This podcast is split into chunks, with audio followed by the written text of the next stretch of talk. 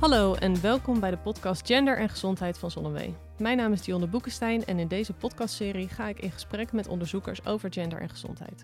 Zonnewee financiert gezondheidsonderzoek en stimuleert dat de onderzoeksresultaten worden gebruikt in de praktijk. Ook signaleren we door ons werk waar nog kennis ontbreekt. De gezondheidszorg is van oudsher op het mannenlichaam gebaseerd en vrouwen hebben hier nadelen van. Want mannen en vrouwen hebben vele overeenkomsten, maar verschillen ook in vele opzichten van elkaar. Biologisch, psychisch, sociaal en cultureel. Daarom is in 2016 het kennisprogramma Gender en Gezondheid van Zonnewee in het leven geroepen. Met dit programma financieren we onderzoek naar man-vrouw verschillen om de kennisachterstand die we hebben over vrouwen en soms ook mannen in te halen. Vandaag zitten we in Den Haag op de campus van het LUMC op kantoor bij uh, Jet Bussemaker. En Jet Bussemaker was minister van Onderwijs, Cultuur en Wetenschap van 2012 tot 2017 en was ook staatssecretaris Volksgezondheid. Uh, in die functie voerde zij beleid rond mantelzorg en betaald werk. En tegenwoordig is ze hoogleraar aan de Universiteit Leiden en houdt zich daar bezig met beleid, wetenschap en maatschappelijke impact, in het bijzonder in de zorg. Karin Proper is senior onderzoeker bij het RIVM en onderzoekt de thema's leefstijl, werk en gezondheid. Ze studeerde bewegingswetenschappen en deed vooral onderzoek naar lichamelijke activiteit en gezondheid op het werk. Ja, nou ben ik eigenlijk wel benieuwd, um, Jet, waarom doe je onderzoek naar man-vrouw verschillen? nou ja, um, ik heb uh, uh, als minister van OCW was ik ook minister van Emancipatie. En ik heb eigenlijk aan de wieg gestaan van het hele project over gender en uh, gezondheid. Omdat ik steeds meer zag dat, zoals jij zelf al zei, heel veel onderzoek heel veel gebaseerd is op gemiddelde. En feitelijk vooral op mannen en het mannenlichaam. en dat er veel te weinig aandacht is voor, voor vrouwen en, en de genderdimensie in, in zorg. En dan gaat het om fysieke, lichamelijke onderdelen, maar ook sociaal culturele. Um, dus ik vond het fascinerend om daar meer mee uh, te doen. En um, ik vind het thema mantelzorg van uh, uh, waanzinnig groot maatschappelijk belang. Ik heb ook in mijn vorige functies gezien hoe belangrijk mantelzorg is voor de kwaliteit van zorg. Um, dat we ook vaak wel worstelen hoe we nu met formele en informele zorg omgaan en hoe we die verhouding zien. En uh, dat we van vrouwen heel erg veel verwachten tegenwoordig. Dat je economisch zelfstandig uh, bent, maar ook uh, dat je voor anderen zorgt en dat zij daar ook vaak het eerst op aangesproken worden. Nou, met verandering in wetgeving, decentralisaties, is dat allemaal eigenlijk nog belangrijker geworden. Dus ik wilde graag, ik wilde kijken hoe ik een bijdrage kon leveren aan het nou ja, het beter in balans uh, brengen van formele, informele zorg. Um, uh, zorg in een, als professionals, maar ook thuis. En daar zit een heel belangrijke genderdimensie in.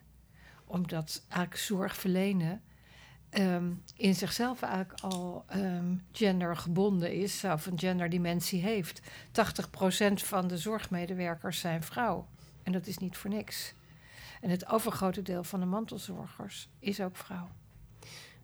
Oké, ik, uh, ik ben benieuwd wat je daar straks nog meer over te vertellen hebt. Want uh, je vertelt gelijk al een heleboel en ik heb er een heleboel vragen bij. Maar ik wil ook graag nog aan jou vragen, uh, Karin, waarom jij onderzoek doet naar man-vrouw verschillen. Nou, wat je volgens mij zelf ook al heel mooi aangaf in je introductie, is dat uh, mannen en vrouwen natuurlijk niet alleen in biologisch opzicht van elkaar verschillen, maar op allerlei andere uh, vlakken, uh, waaronder ook maatschappelijk, vanuit maatschappelijk perspectief. En als het inderdaad zo is dat er aanwijzingen zijn dat er gezondheidsverschillen zijn tussen mannen en vrouwen, dan is het van belang om te weten, is dat zo, maar ook hoe komt dat? En welke factoren spelen daarin een rol? En, als je, en zijn er bijvoorbeeld andere factoren die bij die gezondheidseffecten voor mannen een rol spelen dan voor vrouwen. En uh, als je daar op een gegeven moment zicht op krijgt, dan kun je kijken of je daar aanknopingspunten hebt om uh, op te interveneren om de gezondheid van niet alleen mannen, maar vooral ook van vrouwen te verbeteren. Dus als die genderaspecten een rol spelen, is dat van belang om dat mee te nemen in de kennisontwikkeling.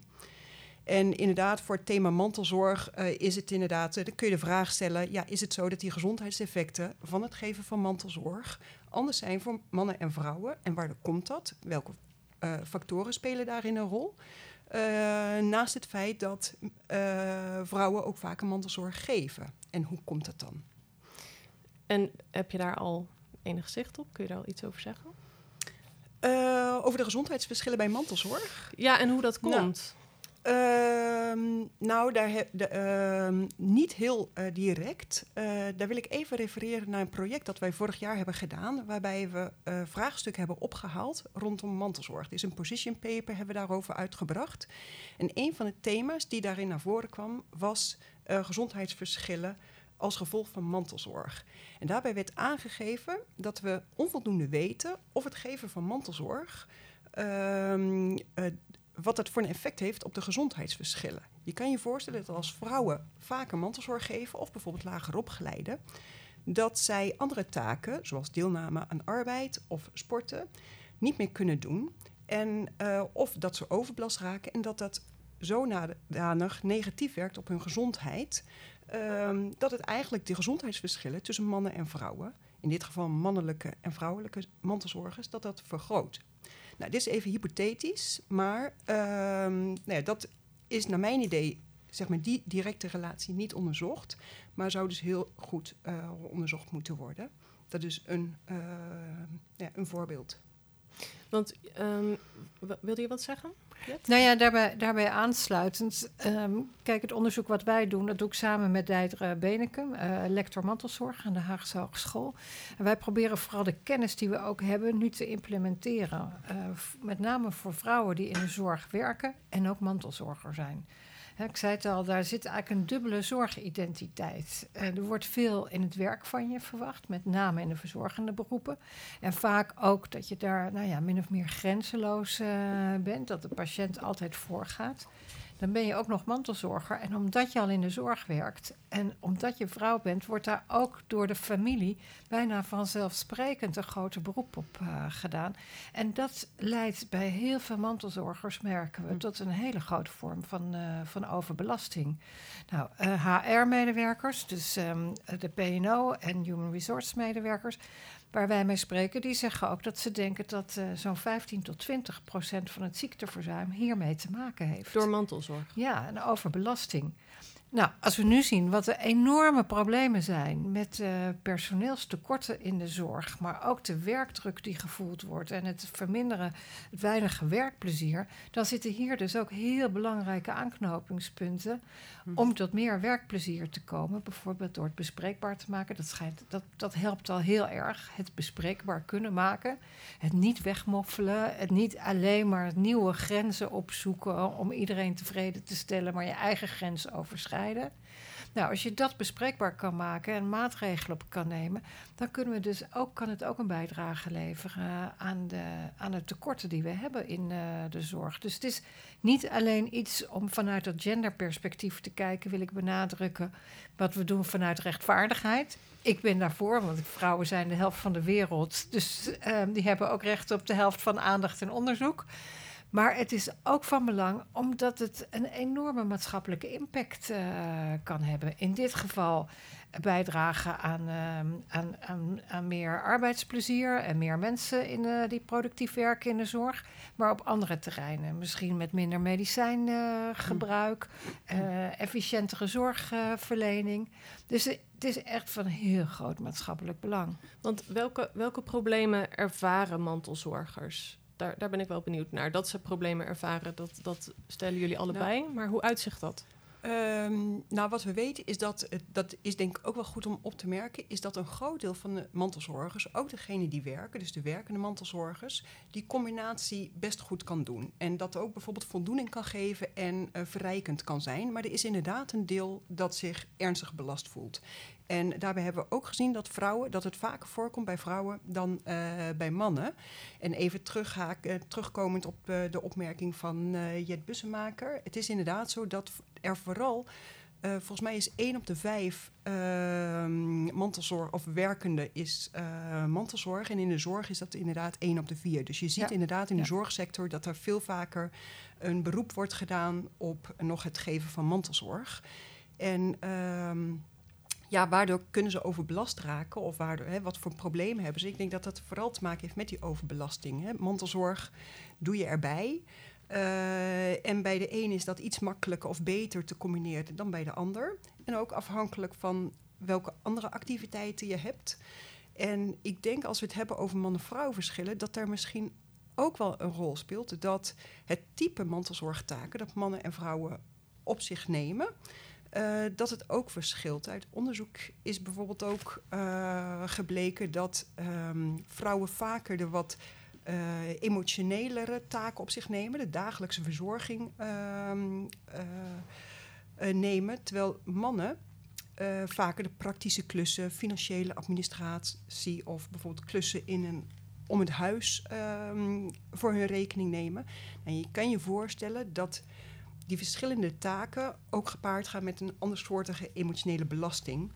Uh, wat mogelijk kan bijdragen, maar nogmaals, dat weten we niet of dat de reden is aan de overbelasting en ook de nee, psychische gezondheidstoestand uh, van de uh, vrouwelijke mantelzorgers. Ja, ik, ik, denk ook dat het een, een, ingewikkelde wisselwerking ligt. Die overbelasting ligt niet ja. in één ding. Om te beginnen, mantelzorg is iets wat je overkomt. Uh, daar kies je niet voor, want het is, heeft altijd te maken met, met dierbaren om je heen uh, die zorg nodig hebben. En dan ga je mantelzorg uh, verlenen. Um, dat betekent dat je het doet voor mensen die je, die je lief hebt, die je nabij zijn. Dus daar wil je graag wat voor mhm. doen. Maar de grens is vaak niet duidelijk. En ik denk inderdaad, hè, wat jij ook zegt, van uh, het zijn vaak vrouwen die de meer verzorgende en ook emotionelere taken op zich nemen. Dan is het moeilijk vaak om daar een grens aan te stellen. Tenzij je een grens hebt van uh, ja, ik heb gewoon mijn baan en die moet ik, dat moet ik ook doen. Maar vrouwen hebben vaker kleinere deeltijdbanen, of ze hebben geen baan, of ze zeggen ook hun baan op. En um, zij zijn toch al in het algemeen, het zijn allemaal graduele verschillen, maar vrouwen zijn minder, um, uh, zullen minder snel uh, zeggen: het wordt me te veel. Veel vrouwen die willen het goed doen, die willen het beste voor iemand anders uh, doen. En dan komt het moment in zicht dat je misschien je eigen grenzen overschrijdt. En je denkt, ja, dit is maar voor even, maar dan duurt die mantelzorg uh, veel langer. En dan, uh, dan, dan ben je nog veel verder van huis, want dan heb je dus niet een mantelzorger die zorg kan verlenen, maar dan heb je een mantelzorger die zelf zorg uh, nodig heeft.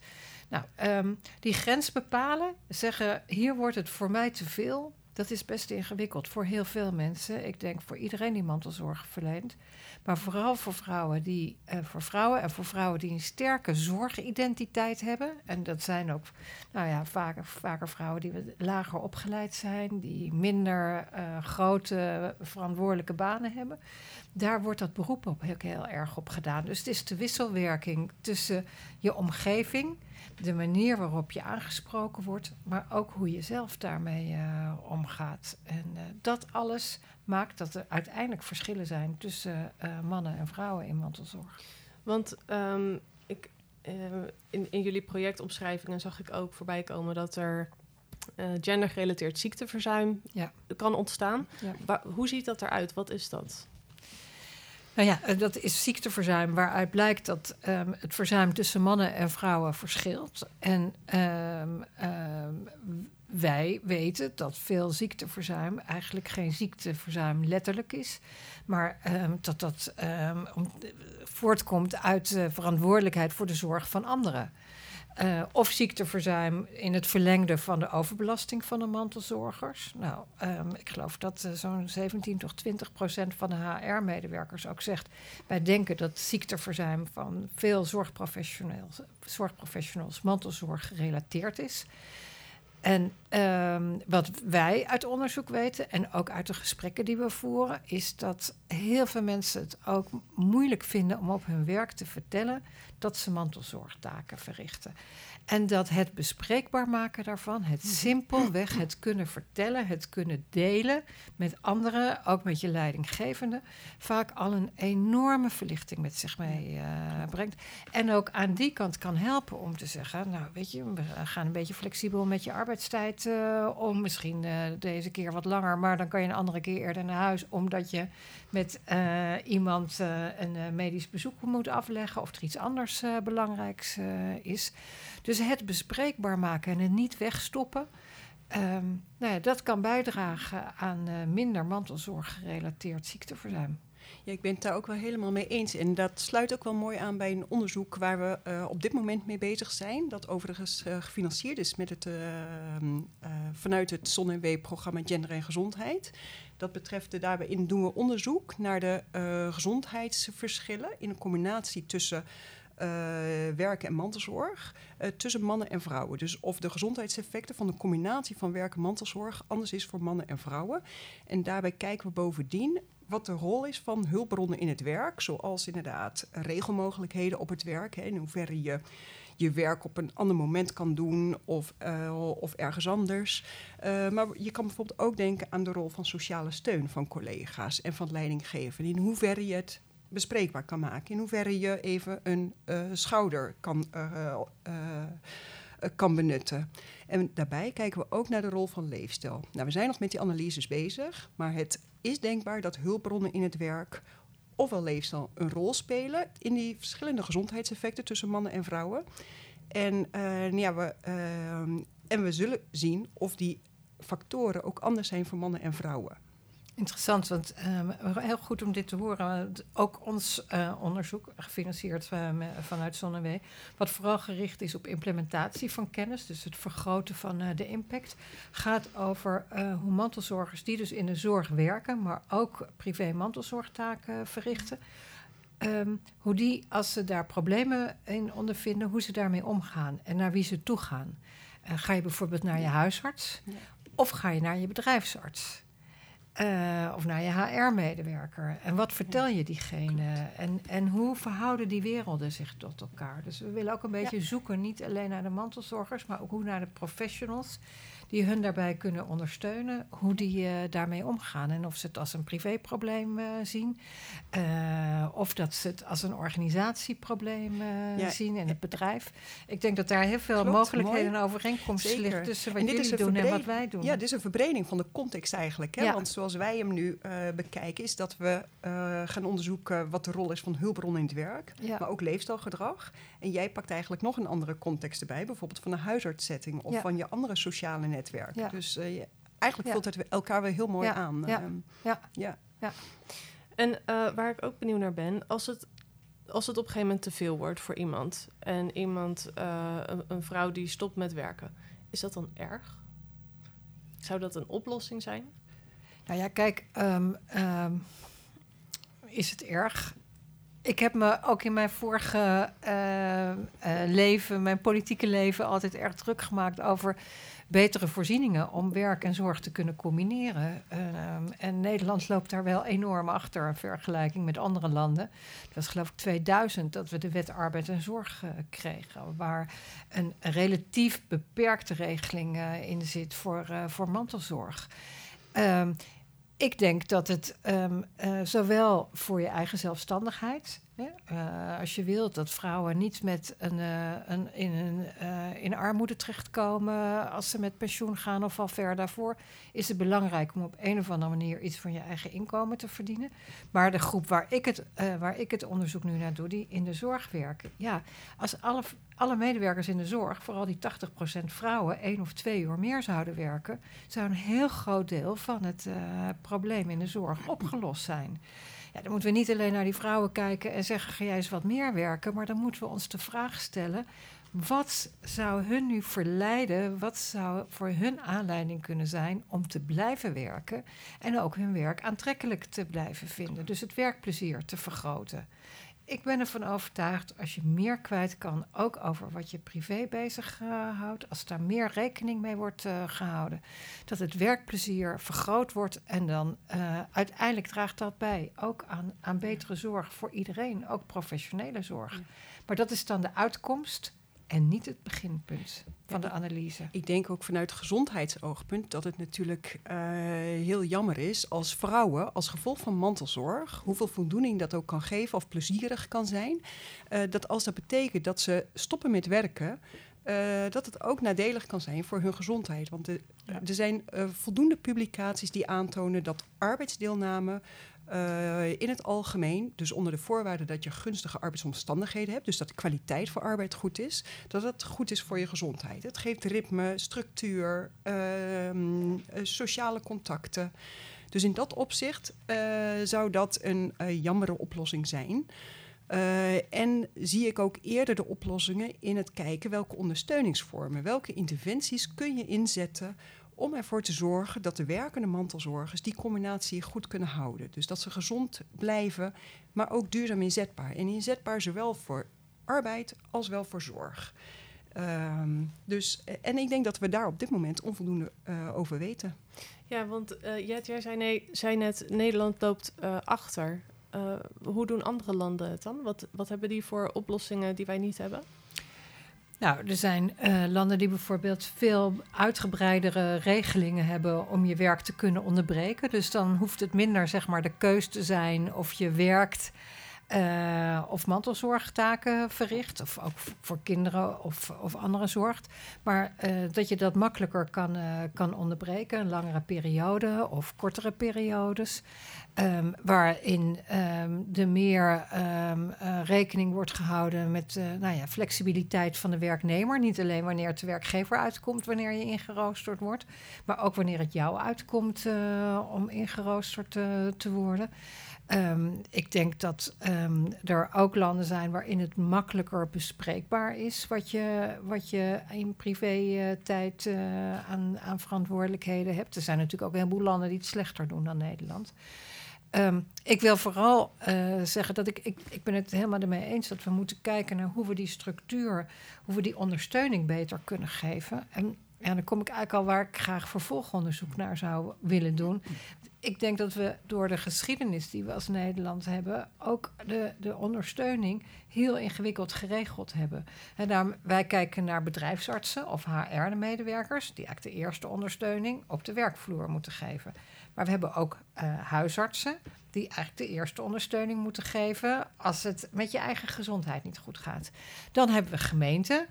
Uh, die moeten eigenlijk de ondersteuning uh, geven voor, we, voor mantelzorgers, uh, die het misschien te veel wordt. Dan hebben we cao's, dus werkgevers en werknemers, die eigenlijk cao-afspraken moeten maken over de invulling van bijvoorbeeld mantelzorgverlof. Nou, stel je nou voor, je bent mantelzorger en je werkt en dat is bij elkaar al heel erg veel. Dan moet je ook nog die weg gaan zoeken tussen al die verschillende organisaties en de instituties. Nou, dat is knap ingewikkeld. En wat ik interessant vind, hoe ook die instituties met elkaar omgaan. dan ben ik er nog één vergeten. Als het gaat over eh, medewerkers in de zorg, dat zijn de zorgaanbieders zelf. Want wat mij wel opviel, uh, 10, 12 jaar geleden, toen ik staatssecretaris was van VWS, kwam ik uh, heel veel op werkbezoek bij gehandicapte instellingen, verpleeghuizen. En in die tijd was het echt vaak nog, met name bij verpleeghuizen, had iedereen de neiging om tegen um, cliënten die er kwamen en hun familie te zeggen, vooral tegen de familie, wat fijn dat u zo goed voor uw partner, vader, moeder, wie dan ook gezorgd heeft. U zult vast moe zijn, wij nemen nu de zorg over. En wij weten ook eigenlijk beter wat goed is voor de cliënt. En dan ging de deur dicht. Nu hebben we nog geen twaalf jaar later bijna totaal omgekeerde wens.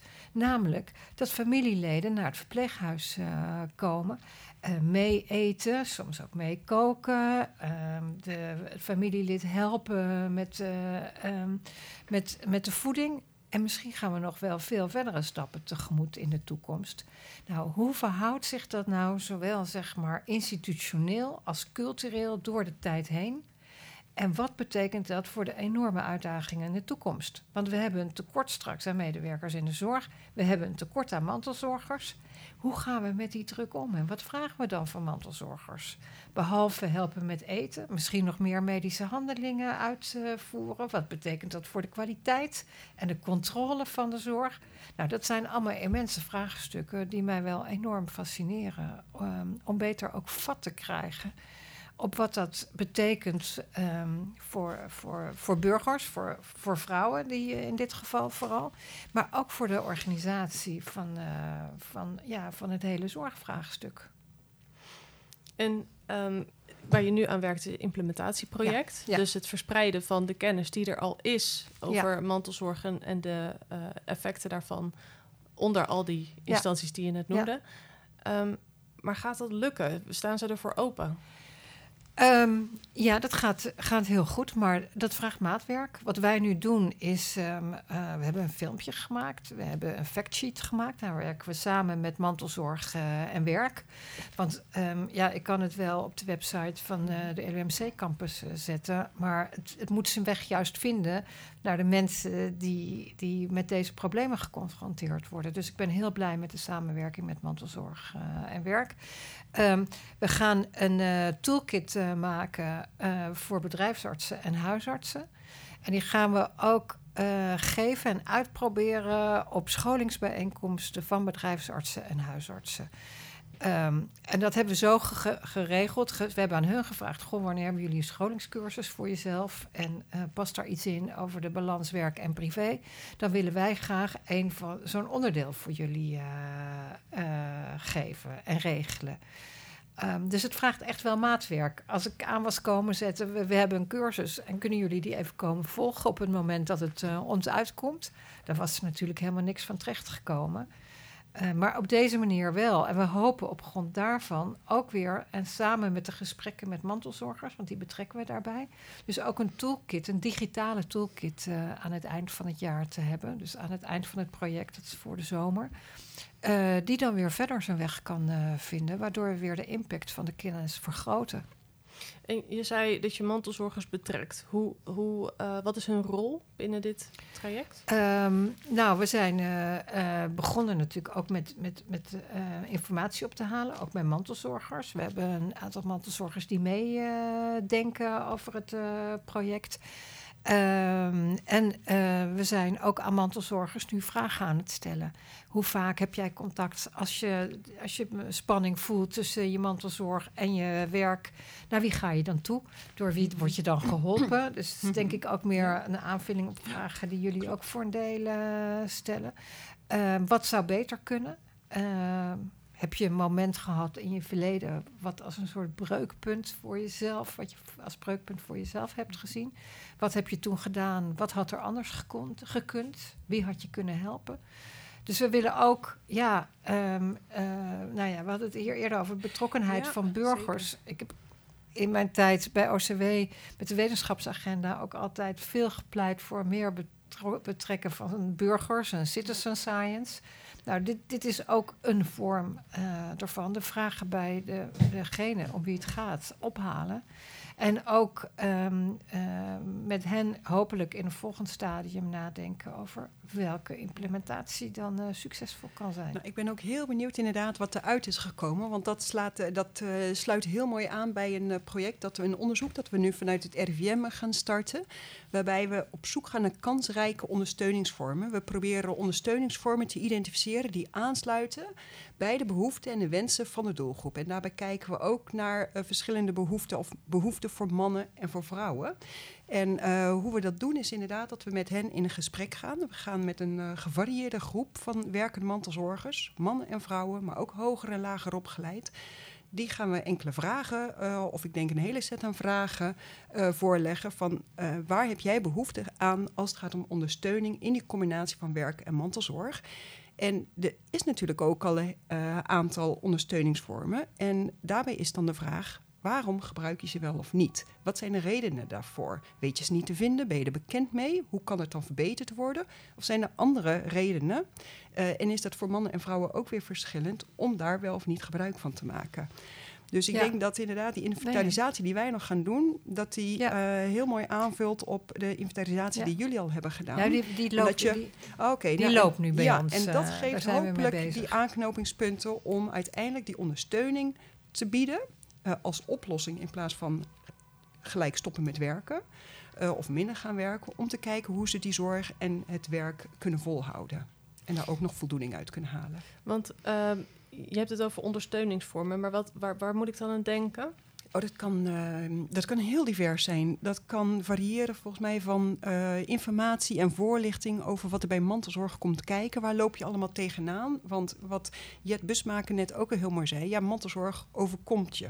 Je bent er niet op voorbereid en ineens heb je ermee te maken. En in enkele gevallen is het natuurlijk al wel, is er al wel wat voorbereidingstijd geweest. Dus uh, voorlichting en informatie kan het omvatten. Het kan emotionele steun omvatten, uh, vervangende zorg, um, flexibele werktijden bijvoorbeeld in gesprek met de werkgever en leidinggevende. Maar uh, tegenwoordig zie je ook steeds meer technologische ondersteuningsvormen, waaronder slimme sensoren, alarmeringssystemen, ja. wearables. Um, nou ja, het kan eigenlijk alle kanten op gaan. En dus dat er is eigenlijk, er is, is eigenlijk best wel veel. Ja. Um, maar je, je moet het weten. Ja. Uh, je moet het ook durven vragen. En, en wie moet je dat dan vragen? Nou ja, dat is dus al precies, daarom zei ik net, moet je bij de gemeente zijn, moet je bij je, um, uh, je, je, leidinggevende zijn, moet je bij de huisarts uh, zijn. Nou, dat is voor al die onderdelen uh, verschillend. Dus dat maakt het al ingewikkeld. En je moet het ook nog durven vragen. We weten van veel mantelzorgers dat die het heel moeilijk vinden om dat te durven vragen. Omdat ze juist heel erg bezig zijn om de zorg en ondersteuning voor een dierbare te geven. En dan al snel de neiging hebben om zichzelf weg te cijferen. we weten natuurlijk dat vrouwen van wie altijd al meer wordt verwacht en werd verwacht dat ze voor anderen zorgen. En ik denk dat dat misschien ook nog weer la, meer geldt voor bepaalde um, uh, nou, groep uh, vrouwen die lager opgeleid zijn, maar ook vrouwen met een migrantenachtergrond, dat die minder makkelijk uh, de stap zetten om um, de vraag te stellen: hey, help mij. En Ondersteun dat, mij. Mm -hmm. Want de, um, um, sommige, sommige mantelzorgers, uh, waarvan de meeste vrouwen zijn, die weten dus goed de weg te vinden binnen dat, ja, ik noem het even, alle regelgevingen en alle organisaties. En dan is er een groep die dat dus minder goed. Ja, en misschien, nou ja, misschien is het ook wel omdat er een groep is die, die bijna natuurlijk een rem heeft. Als je ook een betaalde baan hebt, zeker als je die baan uh, leuk vindt, als je plezier hebt in je werk, dan zal je eerder zeggen tegen andere familieleden: hé, uh, hey, uh, we moeten het even verdelen. hey, uh, wie, kan er, wie, wie kan er nu wat doen? Um, dus, dus er zit ook. Het is ook van externe factoren afhankelijk. Dat is die, die wisselwerking waar ik het over had. Ja, want als je dan als vrouw een deeltijdbaan hebt met niet zoveel vrijheden, dan wordt er misschien eerder van je verwacht dat jij die zorg op je neemt, omdat je relatief meer tijd hebt. En dat kun je dan minder goed inplannen, omdat je minder vrijheden hebt binnen dat werk. Zie ik dat zo goed? Nou, ik denk als je. Het klopt inderdaad dat vrouwen vaak deeltijdbaan hebben. En dat. Uh, uh, omdat ze vaker in deeltijd werken, dat misschien voor de hand liggende maakt. dat ze de zorg erbij doen. Maar het maakt het natuurlijk niet eenvoudiger of vanzelfsprekender. Um, en daarnaast speelt natuurlijk dat vrouwen vaker, uh, dat benoemde jij ook al, vaker toch die traditionele zorgrol op zich nemen. Um, met inderdaad uh, de dagelijkse verzorging uh, op zich. En die dagelijkse verzorging, die is niet tijd en plaatsgebonden. Die is tijd en plaatsgebonden. Dus um, terwijl je bijvoorbeeld financiële uh, administratie of klusjes, die zou je bijvoorbeeld in de avonduren kunnen doen. Dus vooral die tijd- en plaatsgebonden verzorging, dat maakt het combineren met uh, werk, of het nou deeltijd ja. is of voltijdswerk, dat maakt het lastig. We hebben het uh, over mantelzorg, maar wat betekent dat nou eigenlijk? Wat is, wanneer is iets zorg, of wanneer is iets mantelzorg en wanneer is iets geen mantelzorg? Um, misschien kan jij daar wat over vertellen, Karin? Ja, dat is uh, goed. Uh, nou, dat, die definitie van mantelzorg die ligt wat ingewikkelder, want er zijn verschillende definities. En er is eigenlijk niet één strikte of geldende definitie. En uh, dat verklaart eigenlijk ook de verschillende cijfers van de prevalentie van mantelzorg die in omloop zijn. Uh, maar feitelijk komt het erop neer dat mantelzorg zorg betreft die vanwege gezondheidsredenen aan iemand wordt gegeven vanwege de onderlinge band die ze hebben.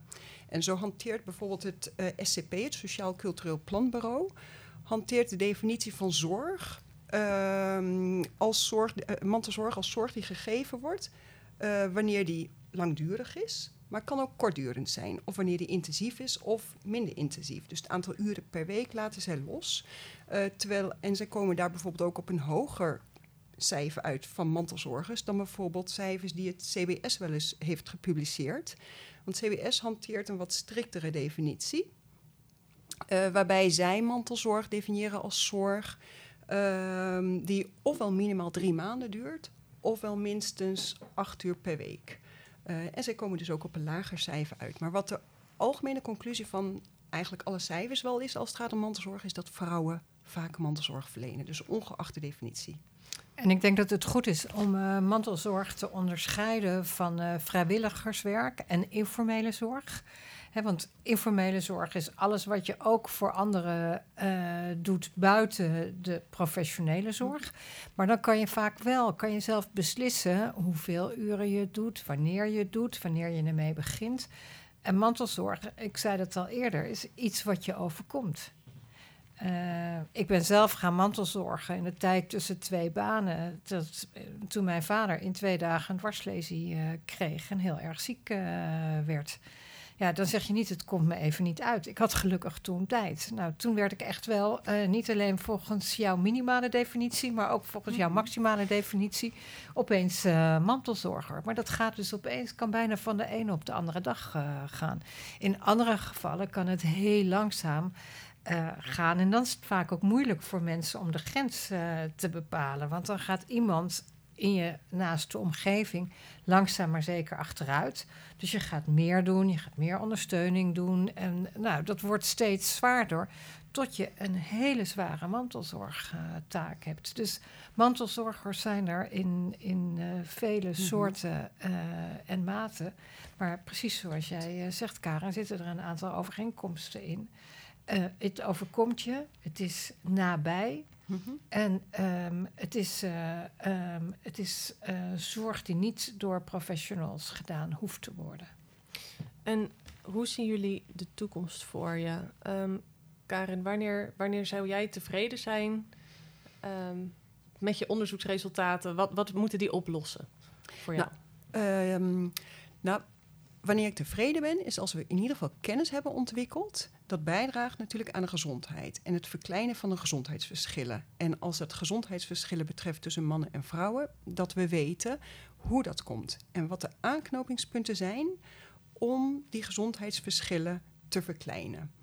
Uh, dat is denk ik uh, de belangrijkste. Is dat bijvoorbeeld leefstijl uh, waar je eh, op kan inzetten? Of zijn dat regelmogelijkheden op het werk of sociale steun? Wat kan de werkgever doen? Ehm, en wat kan de werkende zelf ook eh, doen? En Jet, wat, hoe zie jij de toekomst voor je?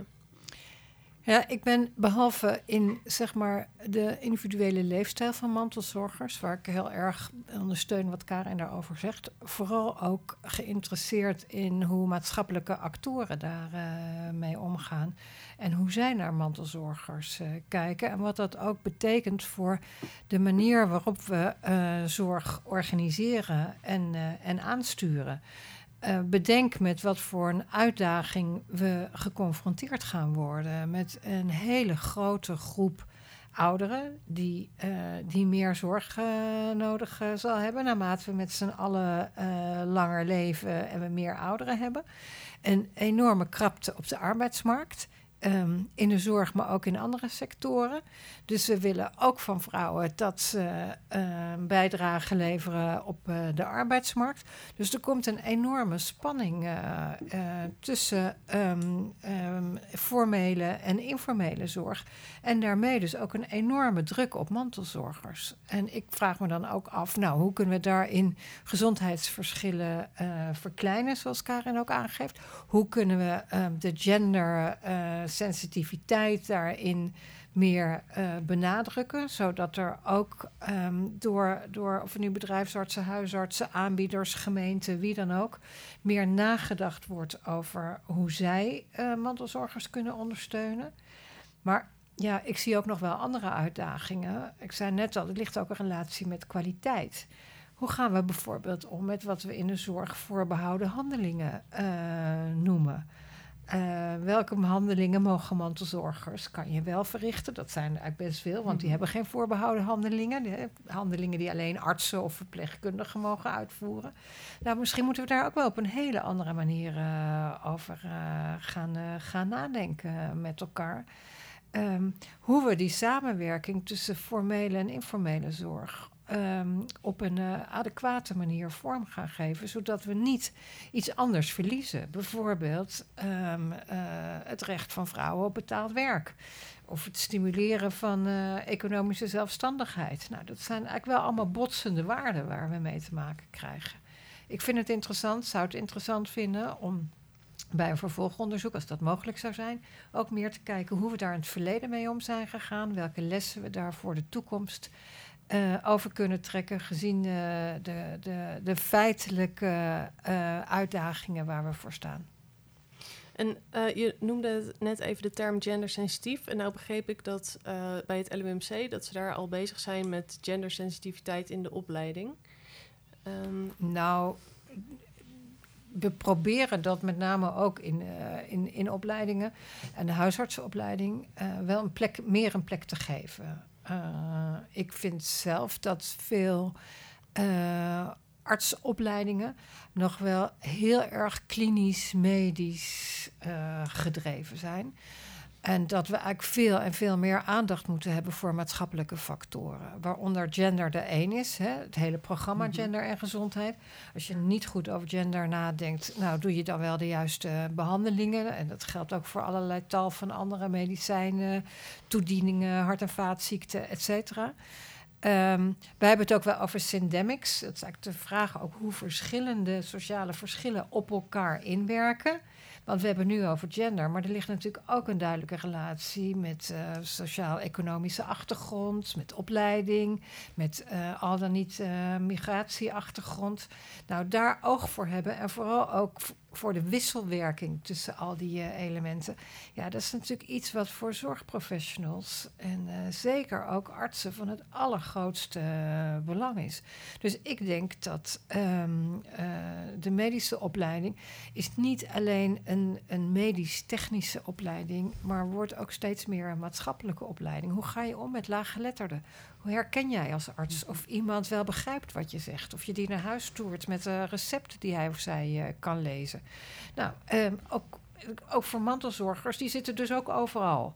Dus een laaggeletterde mantelzorger is heel een, een ander iemand die voor je staat dan uh, iemand, nou ja, dan, dan uh, Karin of ik, uh, hoog opgeleid, die misschien ook mantelzorgtaken verricht. Daar meer oog voor hebben. Dat is ik probeer daar een kleine bescheiden bijdrage aan te leveren in uh, de opleidingen.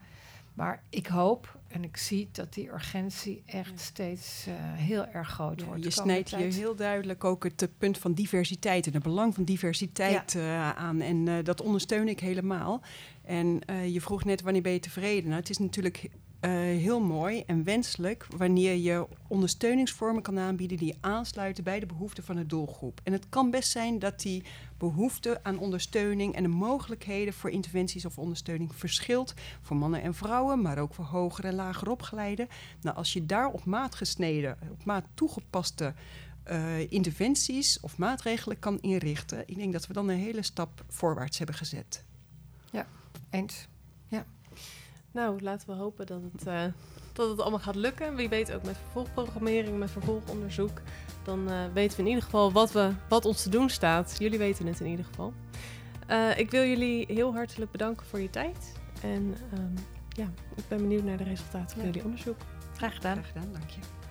Um, je luisterde vandaag naar een podcast van Zonnewee, gepresenteerd door mij, Dionne Boekenstein, en geproduceerd door Jonne Seriese.